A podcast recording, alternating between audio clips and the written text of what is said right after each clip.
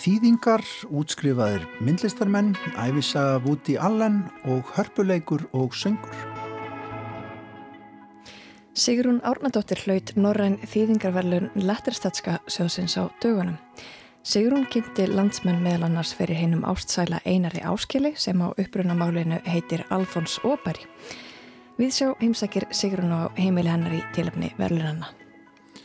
Sunna Ástóstóttir flytur hlustendum myndlistarpistil og veltir þar fyrir sér útskriftarsýningum Listaháskóla Íslands sem að eru að hefjast og munu tegja sig eitthvað fram eftir áranu og hún veltir líka fyrir sér myndlistanámi almennt. Einning verður rætt við Solveigu Tóratsen, söngkonu og hörpuleikara sem nýlega sendi frá sér hljómplötu þar sem hún syngur lög á einum sjö tungumálum og leikur undir á tvennskonar hörpu og finska löðfærið kantili.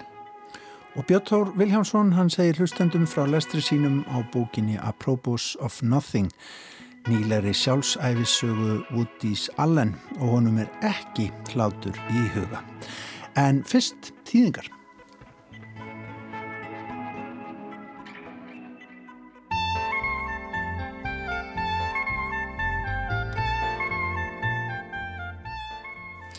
Sigrún Árnadóttir Þýðandi hefur hlotið Norræn Þýðingarverlun Letterstatska sjóðsins árið 2020.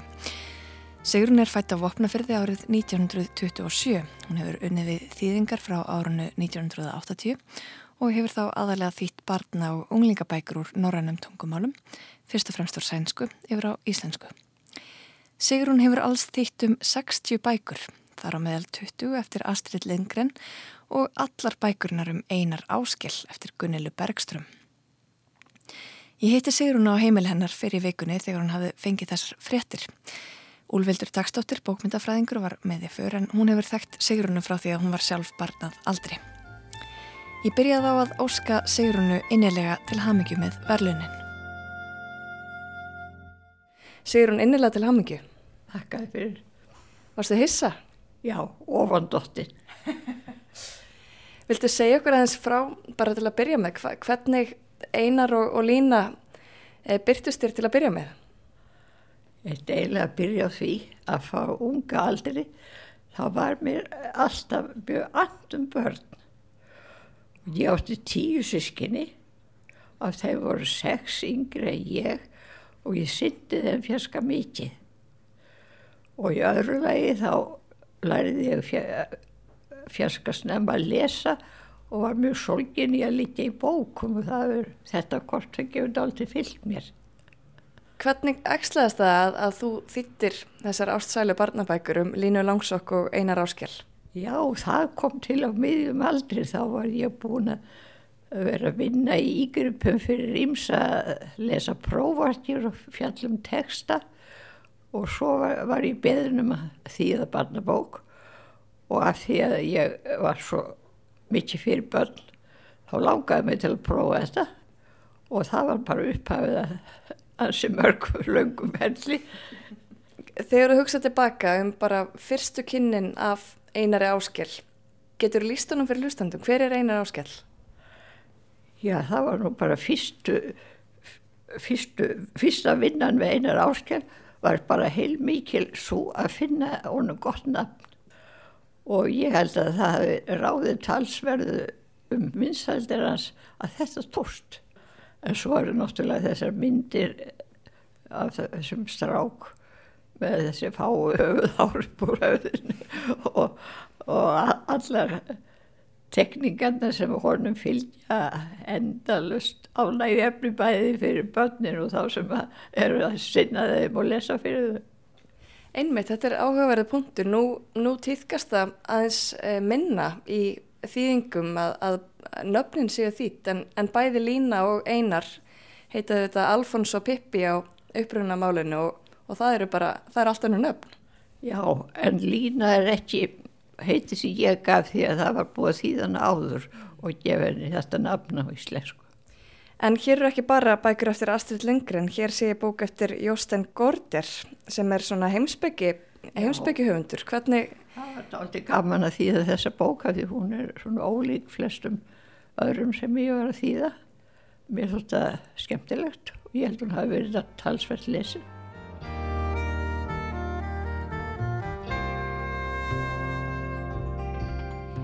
Úlfildur Dagstóttir sittur hér með okkur og þú ert aðdáðandi Sigrunar. Já, ég er náttúrulega alin upp á, á, á þessum þýðingum hennar, Línu Langsokk og, og, og Astrid Lindgren bókonum, eh, náttúrulega miklu fleiri en, en Lína sem að, að hún þýtti, það er Mattit og, og Rasmus fer á flakk og fleira og Ég bara bý að því að hafa lesið vel þýttar barnabækur uh, frá því að ég er bara smælki og þess vegna eru þýðendur eins og sigur hún bara ómetanlegur fjársjóður. Að því að eins og með, nú vinn ég á bókasafni og, og, uh, og þessar bækur hafa bókstallega verið lesnar í tætlur sem að hún hefur því það er sko það er svo lúin eintökin að þau eiginlega bara detta í sundur í höndunum á manni. Þannig að sko ef maður hugsa um starf Sigrúnar þetta eru sko þetta eru margar kynnslóðir batna sem hún hefur alið upp á bæði sagt skemmtilegum sögum auðvitað og svo á sem eru skrifaðar á svo góðu máli þetta það er bara ekki hægt að ímynda sér neitt verðmættara fyrir hérna, íslenska menningu og íslensk, íslenska tungu svo ég bara tali bara eins og fósettin sko. En þetta er rétt sem þú segir, um, maður tekur aftíð með, með bækunarinnar sigurunar að, að þýðingin heldur í gegnum öll þessi ára og það er alls ekki um, algilt. Nei, nei og það er einmitt sko, það er, það er, það er engin tilgerð, það er ekkert verið að reyna að, að, að grýpa einhverja svona frasa, heldur bara, notað bara svona mjög svona einfall, lástand en skýrt mál og, og, og andrúslóttið algjörlega grepið. Hér stendur einar áskell, sjö ára og þreyfar á sér.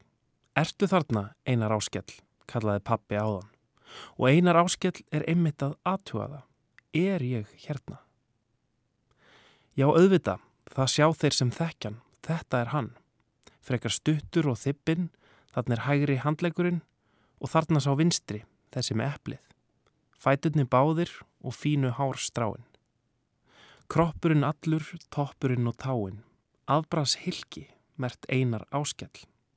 Það er auðsið að þarna er hann en einar áskell er ekki ánæður. Hulstur, hilki, með mínu nafni, er það ég? Einar áskell sjálfur, allur, engu við að bæta. Hvernig er með ílinn af kroppnum hans? Á ég ekki að telja hann með? Eitthvað var eftir í stólnum þar sem hann satt áðan. Kristján Guðjónsson lesir upp úr bókinni Hvar endar einar áskell? Þýðing Sigrunar Árnardóttur á bók Gunnilu Bergström en bókin kom út bæði á sænsku og íslensku árið 2002. Bókin er dálitið frábröðin öðrum bókum um einar áskell, hún er í heimsbyggilegri kantinum og svona hálpartin í bundnu máli. Við skulum heyra aðeins meira.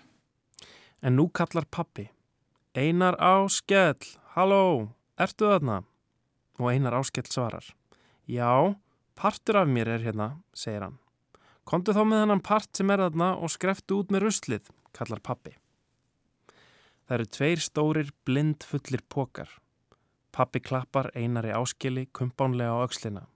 Fínt að þú ferð með þetta drasl, segir hann.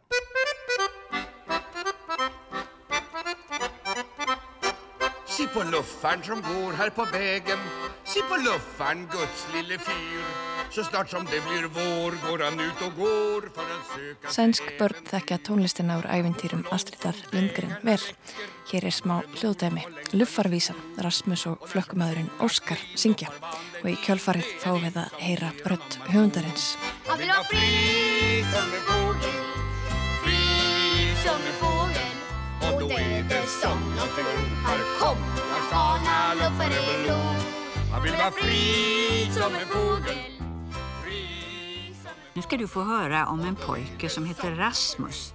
Han bodde på Västerhaga barnhem en gång för länge sedan, långt, långt innan du var född. Det var nog inte så lätt att vara barnhemsbarn på den tiden. Arbeta och slita fick man göra mycket mer än Rasmus tyckte om. Och föreståndarinnan, fröken Höök, var så sträng. Och nog var det ledsamt att inte ha några egna föräldrar. Rasmus längtade efter det och drömde om det jämt. Þetta var Astrid Lindgren. Hún las fyrir okkur upp úr bókinni um Rasmus en Sigrun Árnadóttir segir að bókin Rasmus fyrir á flakk sem kom út í þýðingu hennar árið 1987 sé í sérstöku uppáhaldi hjá sér. Vegna þess að þessi drengur Rasmus sem er foreldralaus og, og er þreyttur á að vera á upptöku heimili hann þráir það að eignast foreldra og fallet heimili og fer á endanum, flýr, eh, flýr á endanum úr vistinni. En á leiðinni þá kynnist hann Óskari flak, flakkara sem er nú kannski ekki svo merkileg persóni sjálfur sér frekar latur og kærlus en áður en líkur þá, þá koma þeir á, á stað þar sem að þar sem að hérna Rasmus býðst það sem hann hefur alltaf til þráð að eignast foreldrar og fallist heimili. Og allar fyrst að þykja það en þegar áreinir og Óskar er að hverfa þá stennst hann ekki mátið og fer á eftir Óskari heim til hans sem sé bendur okkur á það að, að hvað sem öðru líður þá er það nú þegar allt kemur til alls það sem börn þurfa mest á að halda að einhverjum þykir væntum. Pilota þig, pilota þig, pilota þig, pilota þig og mig, pilota, pilota þig og mig. Ég held líka mjög mikið upp á hana, upp á Mattit og Betu. Já, sýsturnar. Sýsturnar, sko Mattit, svona tilfinningarnæm og, og uh, skjótráð og og fyrir higgju lítil stundum og kasta sér út í einhverja æfintýri og verður stundum holdt á því. En svo er beta svona talsveit hjálpundnar og raunsæg og talsveit þrjósk. Ég heyra, heyra þetta ekki vænt um þessa personur og, og hefur kynst þeim vel. Já. Og hvort er þú matið eða beta? Já, ég er mér finnst að ég hafi verið meira matið þegar ég var krakki ég var svolítið hvart fyrir stundum að framkvæma hugdettur sem voru kannski ekki mjög skynsamlegar.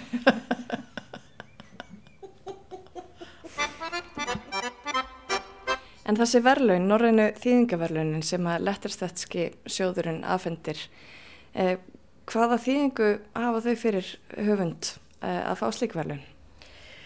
Já, uh, þetta eru, uh, skilst mér svona hérna heiðusvelun, svona eru hugsuð svona fyrir æfistarf og uh, þau hafa verið veitt frá, þau er nú ekki árið gömul, það hafa verið veitt frá árinu 1900, nei fyrir ekki hérna 2012.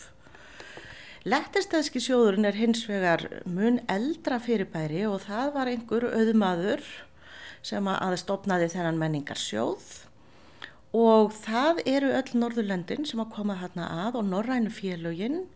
Og, um, og það er svona ímiskona menningarstarfsemi sem að e, er á vegum þessa sjós meðal annars tímariti Nordísk tíðskrift sem er gefið út uh, í fjórum heftum árlega og þar að vera eitt bókmæntahefti til enga bókmæntum og þar hef ég sagt, skrifað uh, yfirlitsgreinum íslenska bókmyndir í, í meirinn 20 ár. Og, uh, og það er nú þannig sem að ég svona, hérna, er veit af þessu. Og um, sá Íslandingur sem að hefur hlotið þetta er Hjörtur Pálsson. Og en af öðrum sem að Íslandingar þekkja þá er það Erik Skíum Nilsen sem að hefur þýtt gífulega mikið af íslenskum bókmyndum en þannig að það er frábært að sjá hérna barnabókahöfund Mér er svolítið áhugast að velta fyrir mig hvernig eh, svona verðluna hafi valin þegar við erum að tala um þýðingar vegna þess að ég gerir að fyrir að domnendin skilji oftast nær bara annað málið. Hafið ykkur að, ykkur að, er þetta þá bara verið að tala um áhrif inn í, í bókmyndaheimin eða?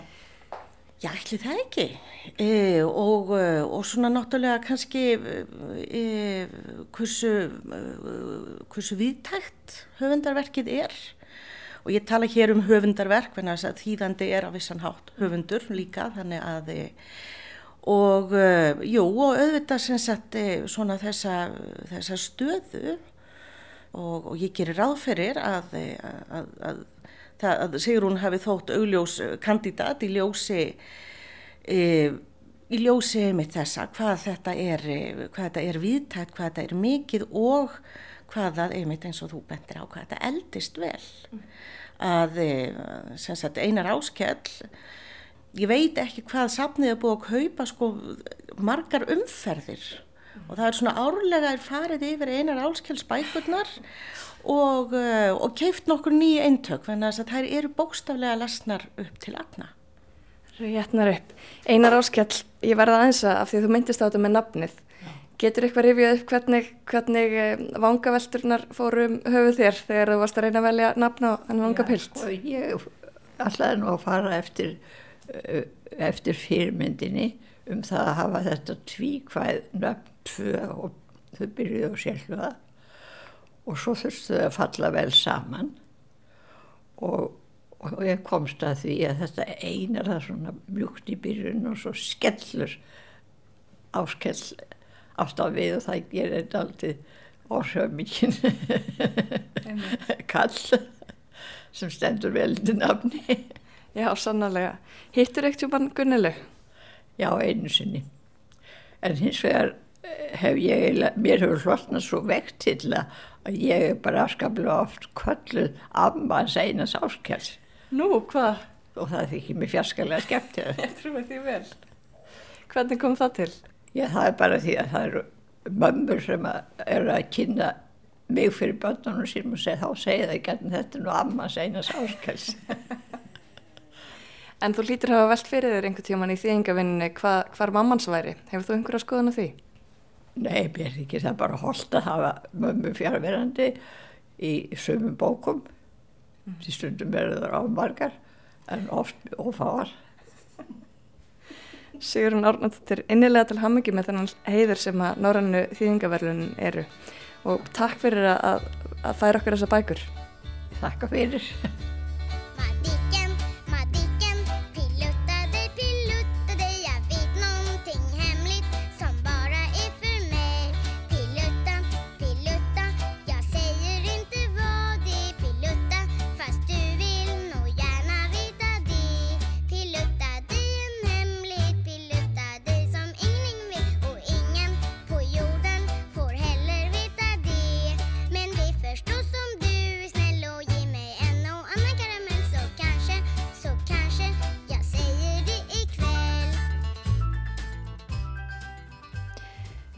Lagið Piluttavísan og það eru sérstunar Matið og Beta sem syngja. Ég veit því miður ekki hverjar stúlkunar eru sem að ljá þeim rödd sína. Það eru hressar. Það eru ansið hressar. Já. En við ætlum að velta fyrir okkur myndlist. Sunna Ástósdóttir er komin með hugleðingu um útskriftarsýningar. Ár hvert stendur hópur nýútskrifaðara listamanna á flekaskilum. Í einu ljúka þau áralöngu námsferðli þar sem þeim hefur gefist tími til að einbeita sér, uppvötua og læra í næði og stíga inn í nýjan veruleika með nýjum tækifærum og áskorunum. Útskriftahátíð listaháskólans er hafinn og voru það bakkalórnemar í myndlist sem tóku, ég byrja eftir, Útskriftahátíð listaháskólans er hafinn og voru það bakkalárnemar í myndlist sem tóku stökkið fyrst með útskriftarsýningu sinni á kjarvalstöðum. Sýningin stóð aðeins yfir í fimm daga en markaði þó kvorki endalók nýja nýtt upphaf. Heldur frekar ákveð augnablík þar sem glaðst er í saminningu yfir aðdráttarafli listarinnar og ferlinu framöndan. Titill síningarinnar, farar snið, nær fullkamlega utanum þetta augnablík. Kristín Dagmar Jóhannesdóttir, síningarstjóri síningarinnar, segir meðal annars í hugleðingum sínum, segir meðal annars í hugleðingum sínum að síningin gefi skýr merki um fararsnið kynnslóðar komandi listamanna og það er alveg satt. Nú er mikilvægt að við hinn fylgjumst vel með því með hverri kynnslóð listamanna byrtast ný sjónarhorn, nýjar hugmyndir og áherslur ný orð, ríni og skilningur. Myndlistarmennir 20 sem síndu á kjarvalstöðum eru að taka á flug.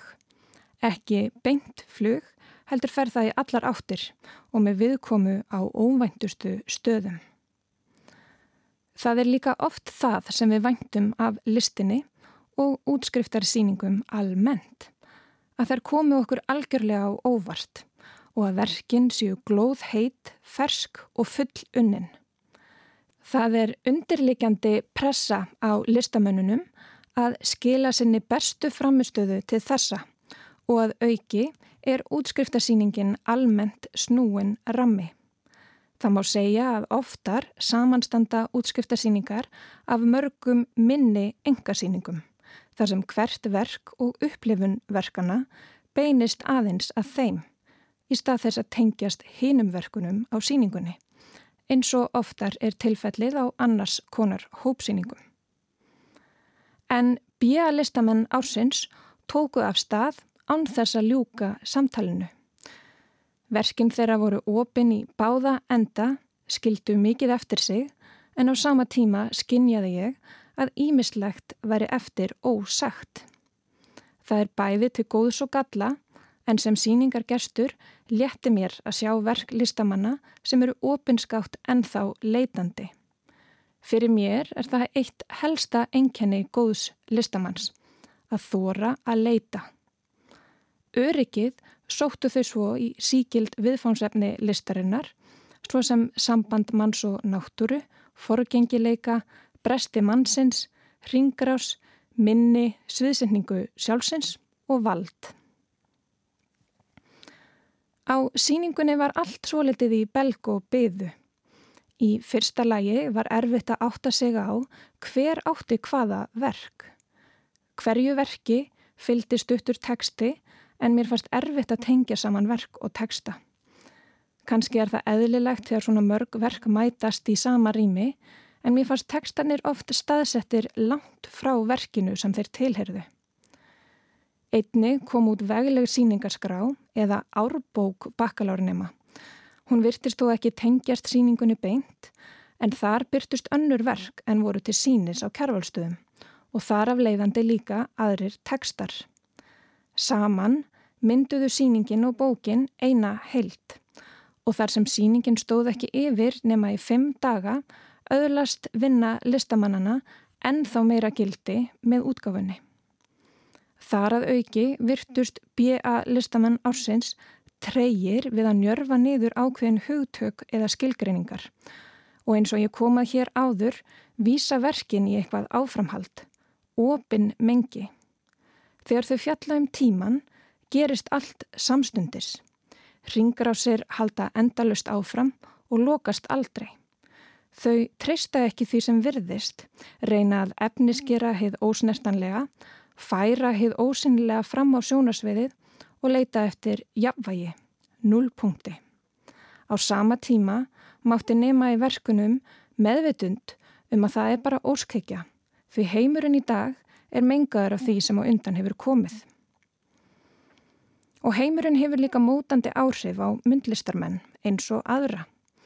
Aðdragandi síningarinnar varum margt óvenjulegur Þá er ég ekki að vísa í sjálft námið sem er frekar fastmótað, heldur þá óvæntu og bröttu beigju sem árið 2020 tók. Í nánast einni andrá stóðu nefendur án aðgangs að vinnustofu og hittu kennaranna sína og samnefendur aðeins í gegnum tölvuskjá. Það gefur auga leið að það er erfitt að færa allan sinn vinnuferil yfir á netmiðla og ræða efni og efniskend í gegnum fjarfundaforrið frekar en beina snertingu. Meistaranemar í myndlist við listaháskólan í Oslo brúðust við þessum vanda sem blasti við flestum listnumum á skarpan og glennislegan hátt með verkefninu I don't have a clue how to become an internet-based ceramic artist sem þýðist svona ég hef ekki glóru um það hvernig ég get orðið keramik listamaður á netinu. Í formi teksta, hljóðbrota og mynda settu þau saman prentaða útgáfu með hugleggingum um það tómarum sem myndaðist þegar faraldurinn brá fæti fyrir námið þeirra og þau gáttu ekki lengur unnið með áþrifanleg efni eða kynnt á réttum forsöndum. Reyndar má kenna faraldursins í útskriftarverkefnum flestra listaháskóla. Á Norðurlöndunum hafa síningarnar til að mynda ímist færst út í almannarími eða á internetið eða frestast. Listaháskólin á Íslandi brást líka við á eigin hátt. Yfirleitt hafa útskriftarsýningarnar og verkefnin farið fram á sveipuðum tíma á vorin en núna dreifist dagskráin og líkur ekki fyrir enn í november á þessu ári ef allt gengur að óskum. Útskriftarsýningar eru ekki síður markverðar því á þeim mæta verkin áhorfendum og það yfirleitt inni á listastofnunum. Ákveðin hefði fyrir því að BA síningarnar fari fram í húsakinnum listasams Reykjavíkur, stopnun sem hefur gengt líki hlutverki í myndlistarlífinu. Ég er ánað með að hafa geta farið og séð verkin með eigin augum og heilt yfir litið finnst mér ég ekki finna fyrir áhrifum faraldursins í verkunum. Nefna hvernig listamennir tóku hverfuleika augnabliksins opnum örmum.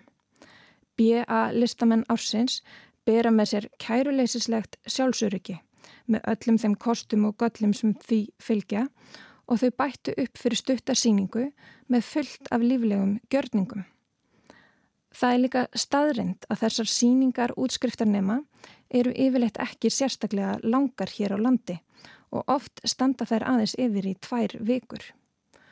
Auðvitað er mikilvægt fyrir upprennandi listamenn að fá að sína list sína á ofinberum síningarstað og kynnast þeim vinnuferlum sem unnið er eftir í slíkri stopnun. Þetta eru líka yfirlegt mest sóttu síningarnar og fyrir utan það að taka virkan þátt í að auka sínileika komandi kynnslóða, auðgast þessar stopnanir á aðtillinni sem fylgja síningunum. Það eru jákvæðir og neikvæðir pólar á öllu og ég sem líti á útskriftasýningarnar sem ákveðin hápunkt ársins velti því fyrir mér hvort við áhörvendur gætum fengið að njóta síningarna lengur í öðrum húsakinnum. Kanski myndi önnur staðsending jafnvel skila sér í meira frelsi til listamannana en þá sterkari sögnum og minni varkarni. En fagnuðurinn heldur áfram, útskriftaverkefni annara námstega og deilda innan listaháskólans munu halda áfram að spretta fram út árið á hinnum ímsu stöðum. Og þannig munum við almenningur halda áfram að fá vísbendingar um það hvert stefnir. Aftur á bak eða áfram, upp eða niður eða í allar áttir á sama tíma sagði Sunna Ástórsdóttir.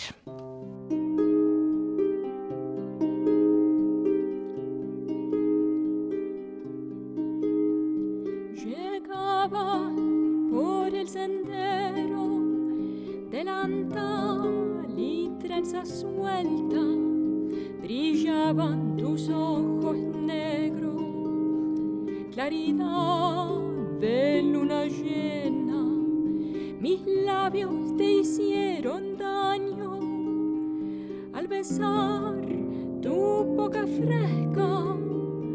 Castigo me dio tu mano, pero más golpeó tu ausencia.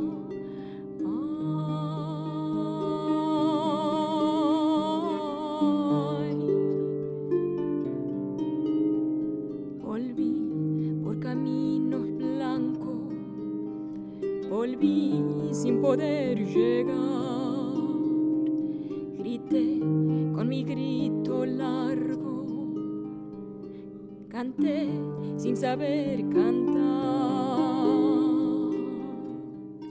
Hér er sungið á spænsku.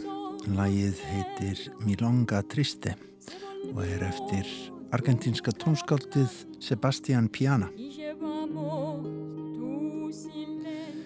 Hér er það Solveig Tórótsen sem að syngur og leikur með á ný keltnæska hörpu en þetta er af diski sem að bastinn á borð hjá Víðsjá á dögunum sem að Solveig sendi nýlega frá sér þar sem hún syngur lögur ímsum áttum og leikur undir á ímsar hörpur. Diskurinn er Snotur og hann heitir líka Snotrus. Solveig Tórótsen er á línunni. Sælublesuð Solveig, eh, hvar finn ég þig núna í gegnum síma? Hvar, hvar ert stött í verðunni? Ég er stött í Bremen í Þýskalandi þar sem ég bý. Segð mér aðeins frá þessari plötuðinni Snótrur. Þessi plata kom út í lok ársins 2019, sem þetta í fyrra, en hugmyndin af henni varð til miklu fyrr. Fóreldrar mínir voru búinir að hvetja mig til þess að gefa út geisladisk með lögum frá ymsum heimshortnum frá því 2013 og í fyrra varð þessi plata loksins að veruleika. Hvaðan hefur þú svona sapnað að þér þessum lögum? Bara uh, víðsvegar af. Mörg þeirra lærði ég þegar ég var uh, í námi í Wales af vinum þar frá mismunandi löndum sem kentu mér þjóðlög frá heimalandi sínu. Um, finsku lögin, sagt, þetta eina á finsku og hinn á karilísku, þau lærði ég í Finnlandi þegar ég var að heimsækja vini þar. Hann er einu vinkunu mína sem ég kynntist uh, sömurinn 2009 á þjóðlagaháttu á Siglufjörði. Ég heimsótti hana um, á þjóðlagaháttu í Finnlandi svo sömurinn 2010 og þá lærði ég uh, þessi finsku lög sem ég spila með kantiliðinu.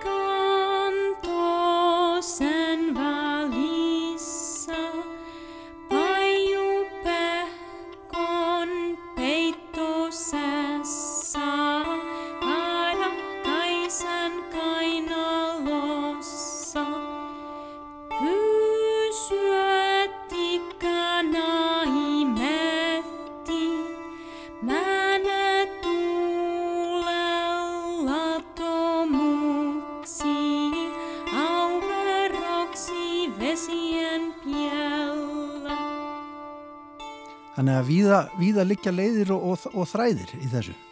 Já, í rauninni, já. Hvað er það við að heyra músík svona frá öðrum löndum? Hva, hvað gefur það þér? Það gefur mjög mikið. Það er náttúrulega insýn í annan menningarheim. Um, annars vegar er, er bara tónlist, hvaðan sem hún kemur, falleg tónlist, um, bara góð fyrir sálina og, og manni líður vel að hlusta. Og auðvitað finnst mér líka heitlandi að þessi lög séu á mismunandi tungumálum. Ég hef alltaf heitlast af tungumálum og muninum á þeim, blæbrigðum, mismunandi hljóðum sem, sem náttúrulega hafa líka áhrif á það hvernig áhrifin af, af tónlistin eru. Um mitt. Segðu mér frá, þú, þú leikur á einar, hvað, þrjár hörpur ekki satt?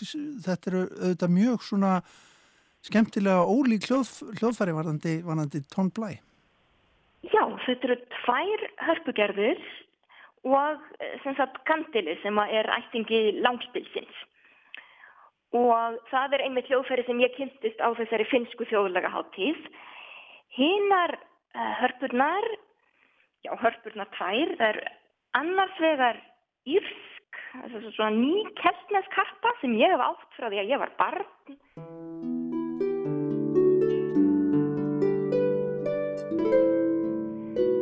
frá því bara um, um aldamótin. Það var fyrsta harpan sem ég eignaðist og ég spila enn mjög, mjög gjarnan á þá hörpu. Og hinn er ítölsk barrokarpa.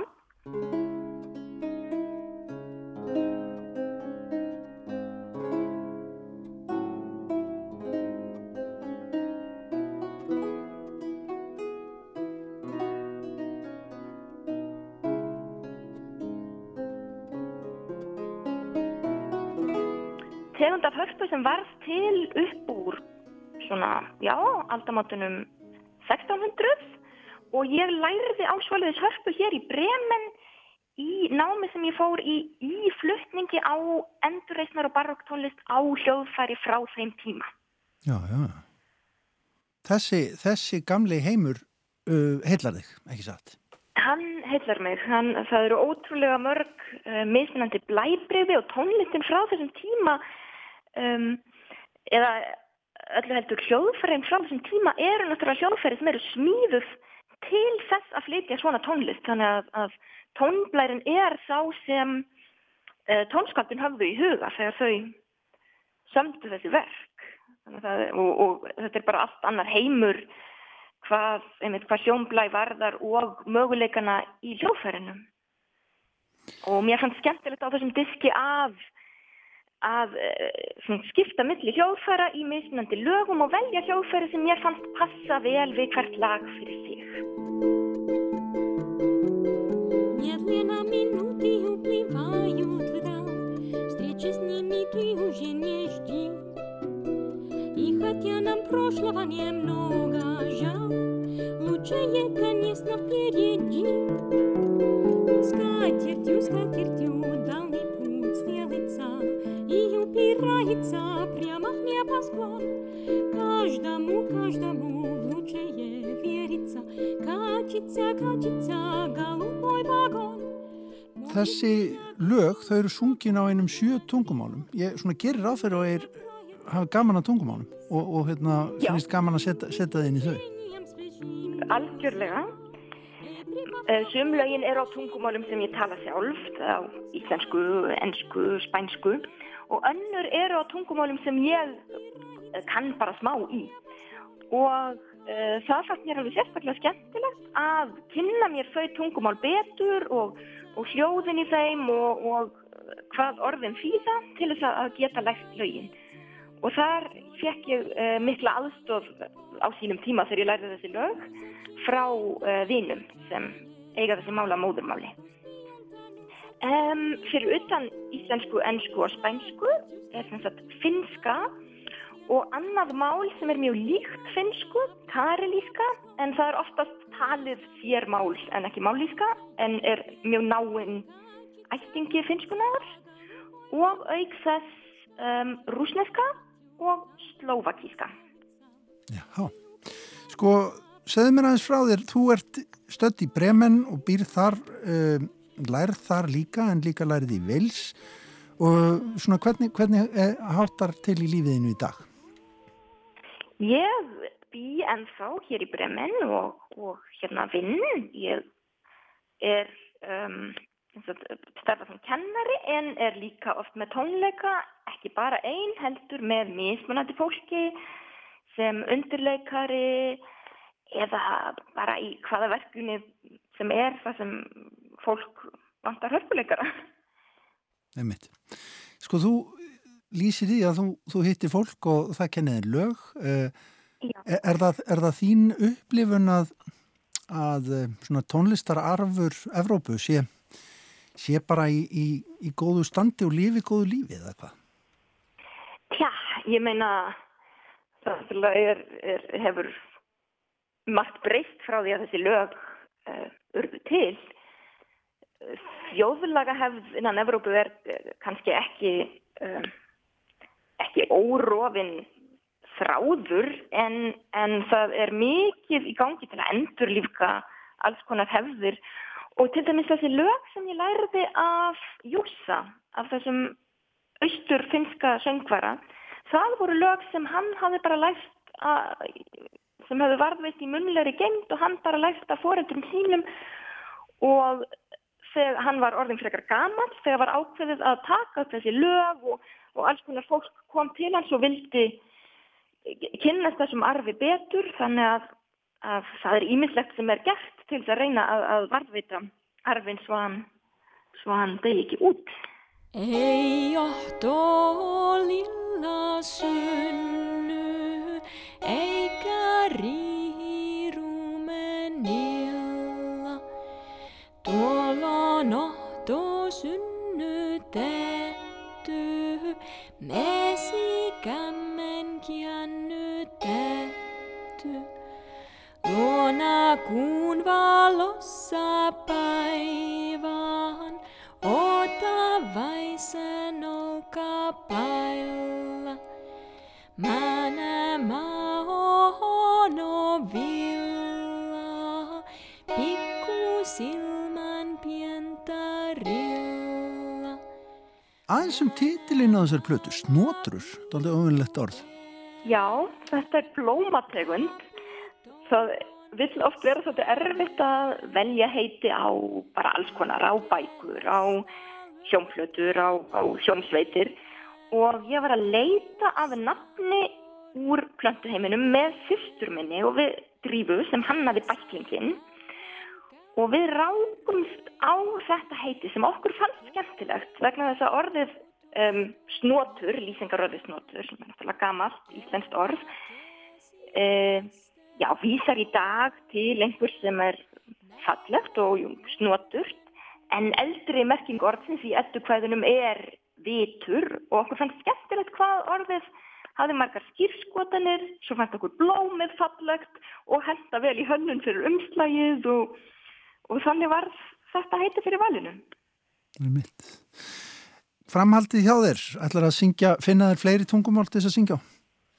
Já, veistu, mér líst vel á það. Það eru nokkur sem ég söng ekki á á þessari plötu, til dæmis velska. Ég bjó nú í nokkur ári í Wales og lærði svo litið í velsku og, og það er svolítið fynnt að skuli ekkert lag á velsku vera á, á hljómplötunni þannig að ef ég hérna tek upp aðra þá ætla ég endilega að hafa lög á velsku og svo er náttúrulega bara svo mikið hérna, já, ríki dæmi af tungumálum sem er til í heiminum sem er alltaf hægt að kynna þér betur. Og heimurinn fullur af tónlist. Einmitt. Solveig Tórótsen, takk kærlega fyrir spjallið. Ga Já, gaman að heyri þeir í Þýskalandi. Semulegis.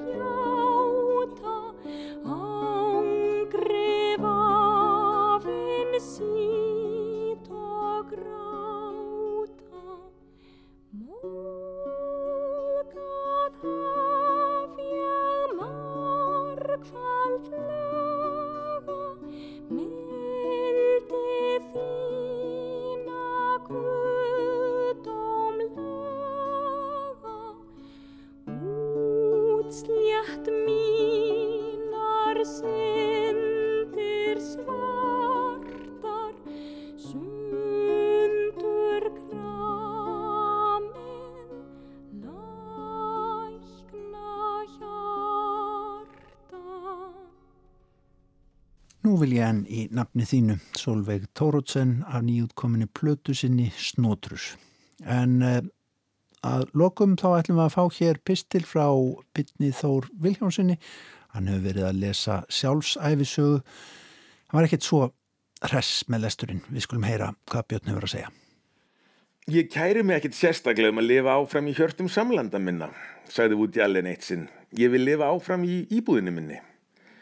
Hnittileg skrítla og tótnin er dæmigerður fyrir leikstjóran sem fyrst var frægur fyrir gamanmyndir. Í framhaldinu skipti Allen reyndar um stefnu og það kann að gleymast hversu rótæk breytingin var.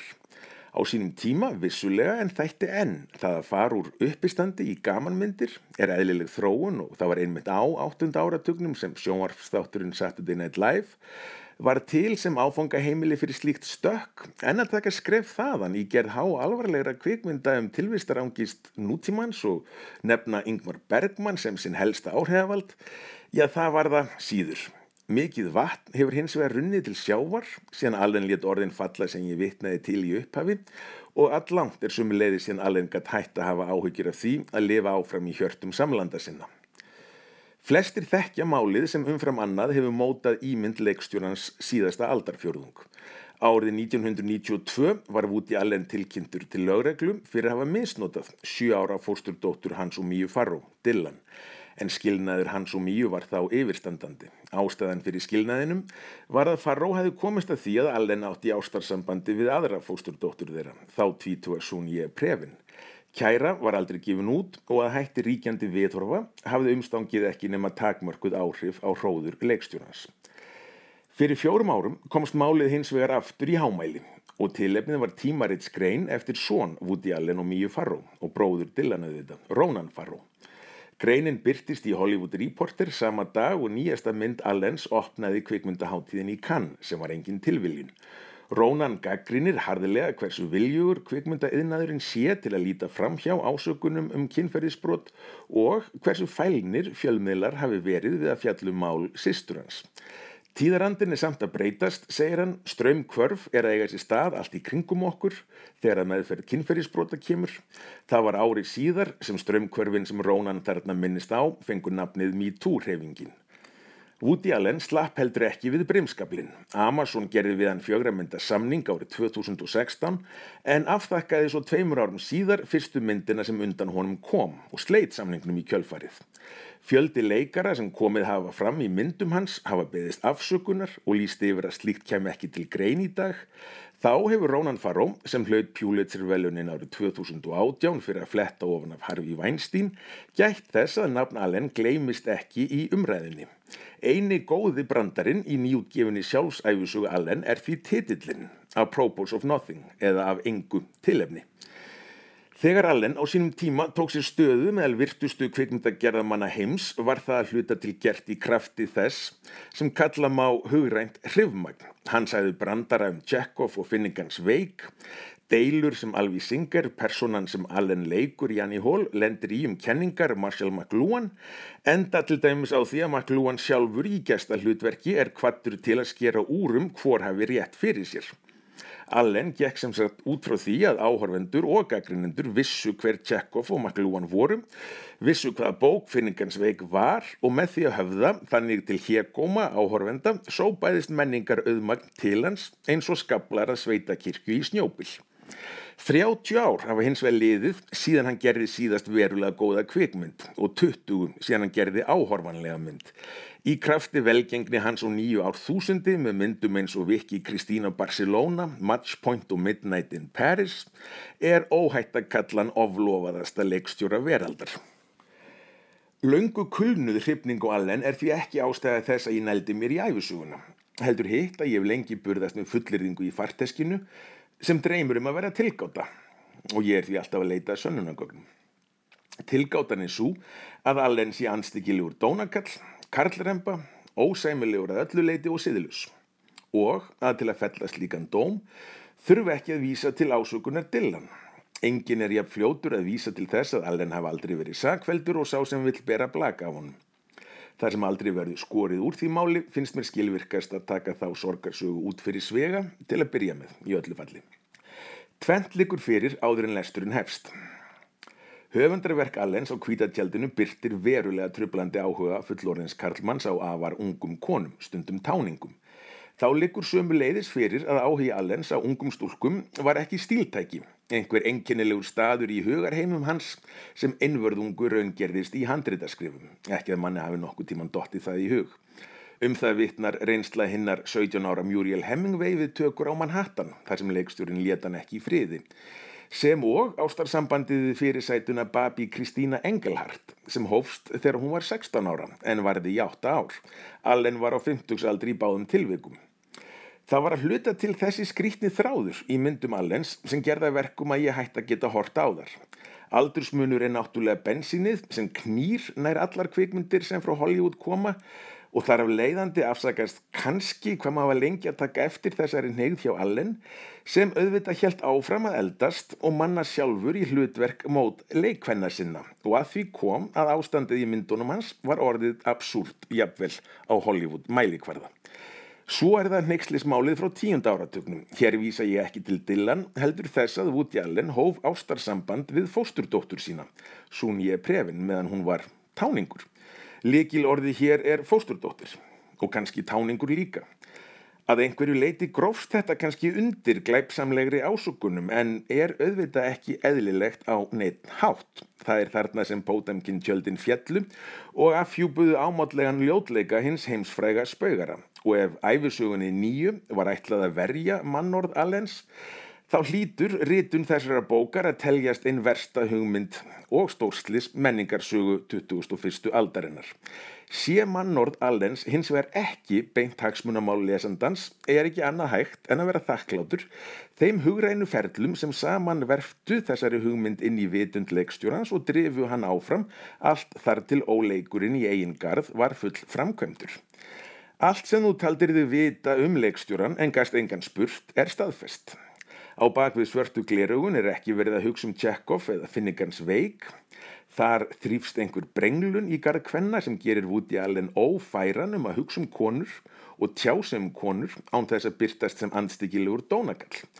Það er bókstaflega með ólíkindum að sjá hvernig hann fjallar um þær mörgu leikonur sem í myndum hans hafa verið og í framhaldinu hvernig hann gortar sig af hjásvæfum sínum gegnum tíðina.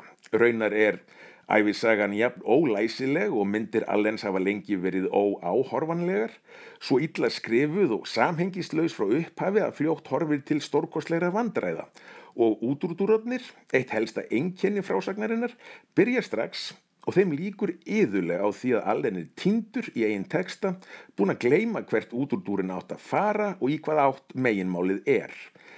Það er ljóst að Allen getur ekki beðið eftir að komast að skilnaðinum við Míu Farró og hefur kastað algjörlega til höndum við fyrirhlutan. Síðari hlutin, þar sem honum verður að ósksinni, er síðan svo hrikalegur að Allen í eitt skipti fyrir öll staðfestir að hann er botfiskur. Ekkert nema lágkúra, en stundum gengur hann jafnvel lengra en það. Stundum getur hann að því er virðist ekki stöðvað sjálfan sig og flaggar siðblindu fánanum. Hér er eitt slíkur kapli. Mía hafði hálgerða óbeit á því að ala krakkana upp og passaði í raun ekkert upp á þá, segir Allen. Það er ekki að undra að börnum tvö sem voru ættleit skildu fremja sjálfsmorð. Þriðja íhugaða þá yfirgaf Mía indislega dóttur sem glýmdi við HVF þannig að hún dó alein á spítala á jóladag. Það er á svona stöðum sem sést aftur á bakvið pótankinn tjöldin. Og tilgáttan mín var auðvitað þakklátt, en þetta er samt held ég einn óhugnanlegasti kapli sem ég hef lesið í bókum langt skeið. Hvaða maður talar svona um börn sem hann tók þátt í að ala upp? Hvers konar maður smjattar af ánæju yfir hörmulegri frásögn eins og þessari vegna þess að í fyrringu sinni virðist hann halda hann hér að koma höggi á barsmóðu sína? Jú, það er Woody Allen og mikið sem það er ljóst að hann er ekkert fyndin lengur. Já, ekkert fyndin lengur, sagði Björn Þór Viljámsson um út í Allen og þannig leikur við sjá í dag. Já, takk fyrir að hlusta á getur hlustendur. Við verðum hér aftur á þriði dag. Af eða gott.